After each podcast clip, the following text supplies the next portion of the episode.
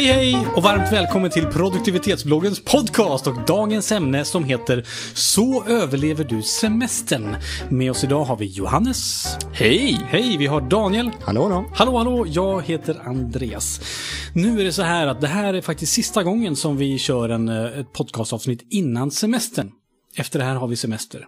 Och sen så tänkte vi återkomma i höst, eller hur? Med fler podcastavsnitt. Ja! Så frågan är då, hur överlever vi nu? När, nu överlever det, det Hur överlever ut, utan, utan produktivitetsbloggens podcast? Men, eller liksom? Johannes, du har berättat för mig tidigare att, att det finns att skilsmässofrekvensen liksom, frekvensen ökar under semestern. Som vanligt har jag ingen källa, så det kan vara ett påhitt som jag har hittat på. Men, Ja. men jag, jag, av kvällspressen så får man uppfattningen i alla fall att när folk eh, går hem från semestern och, och upptäcker att de har en familj, så blir de osams och det blir, det blir spänningar med, med partners och sådär. Och sen så, och så när man kommer hem från semestern så, så bestämmer man sig för att gå skilda vägar. Just det. Ehm, Så att vi ska men egentligen... det är ju lite dumt tycker jag. Ja, det är Att man gör så. Det finns ju sätt att undvika det.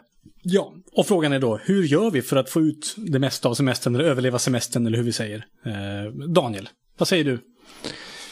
Prata förväntningar, skulle jag vilja säga. Eh, Jag tror mycket av det där som du, som du säger Johannes, med att man, man tror att man ska kunna fixa allt på semestern, handlar ju- det är för att man inte, man har inte diskuterat igenom egentligen, vad, vad ska vi göra? ska vi göra? Vad ska vi göra av det här? Och vad är viktigt? Ja, men vad är viktigt för dig? Vad är viktigt för mig? Vad är viktigt för barnen? Vad är viktigt för hunden? Vad är viktigt för huset? Precis, ska vi fixa med huset eller ska vi ha sol och bad eller handlar det om, om självförverkligande eller vad, vad handlar den här semestern egentligen om? Det kan vara värt att, att diskutera det egentligen redan, nu är det ju för sent nästan, nu, nu är vi inne i semestertider. Så Skilsmässan är oundviklig. Men det är väl aldrig för sent att prata förväntningar? Det kan man ju göra första dagen på semestern också förstås. Absolut. Vad vill du göra nu? Men jag jag har många år själv gjort så att vi har planerat in väldigt mycket. Den här semestern, då ska vi minsann fixa det här och tomten ska röjas och vi ska ordna hit och dit. Sen var det någon semester där vi sa så här att vi gör ingenting. Vi bara kliver upp varje dag och tänker så här, hopp, vad gör vi idag då?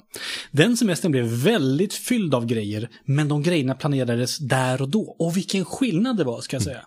Så det skulle vara mitt stora tips egentligen, att planera inget i förväg. Planera där och då istället. Och planera inte in för mycket. Alltså, ta, ta inte för, bit inte över för stor bit. underplanera. Utan underplanera. Både, både din semester och din, din dag. Så, så kan du göra saker i en maklig semestertakt.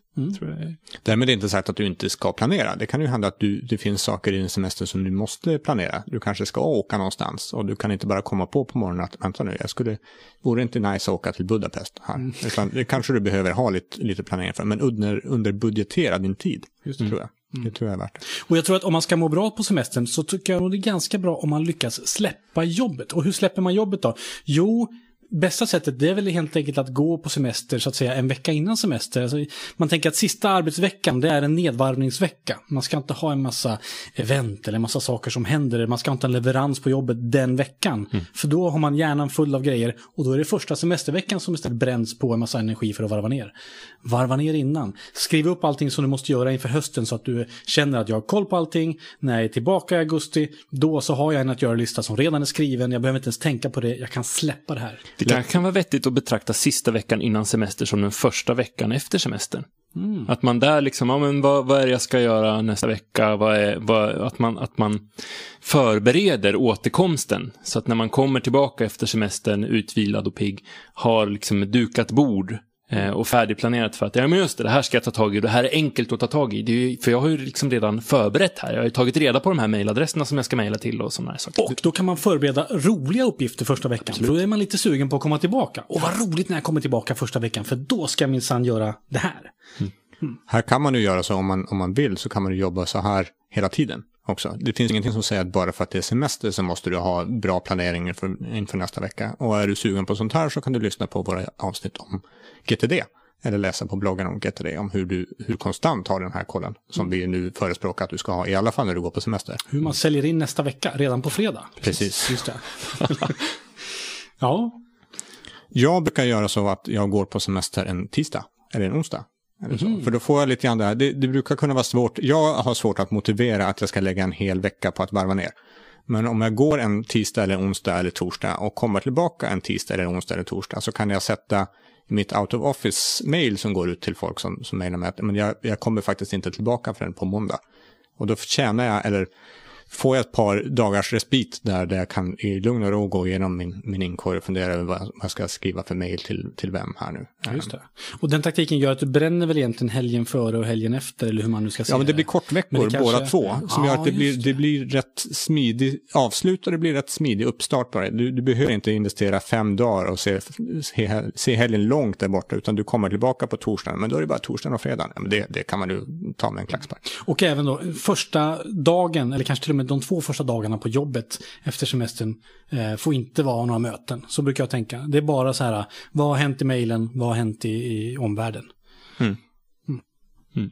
Och eh, i övrigt om man ska ha semester, alltså, jag tycker så här, slappna av för tusan. Du har semester.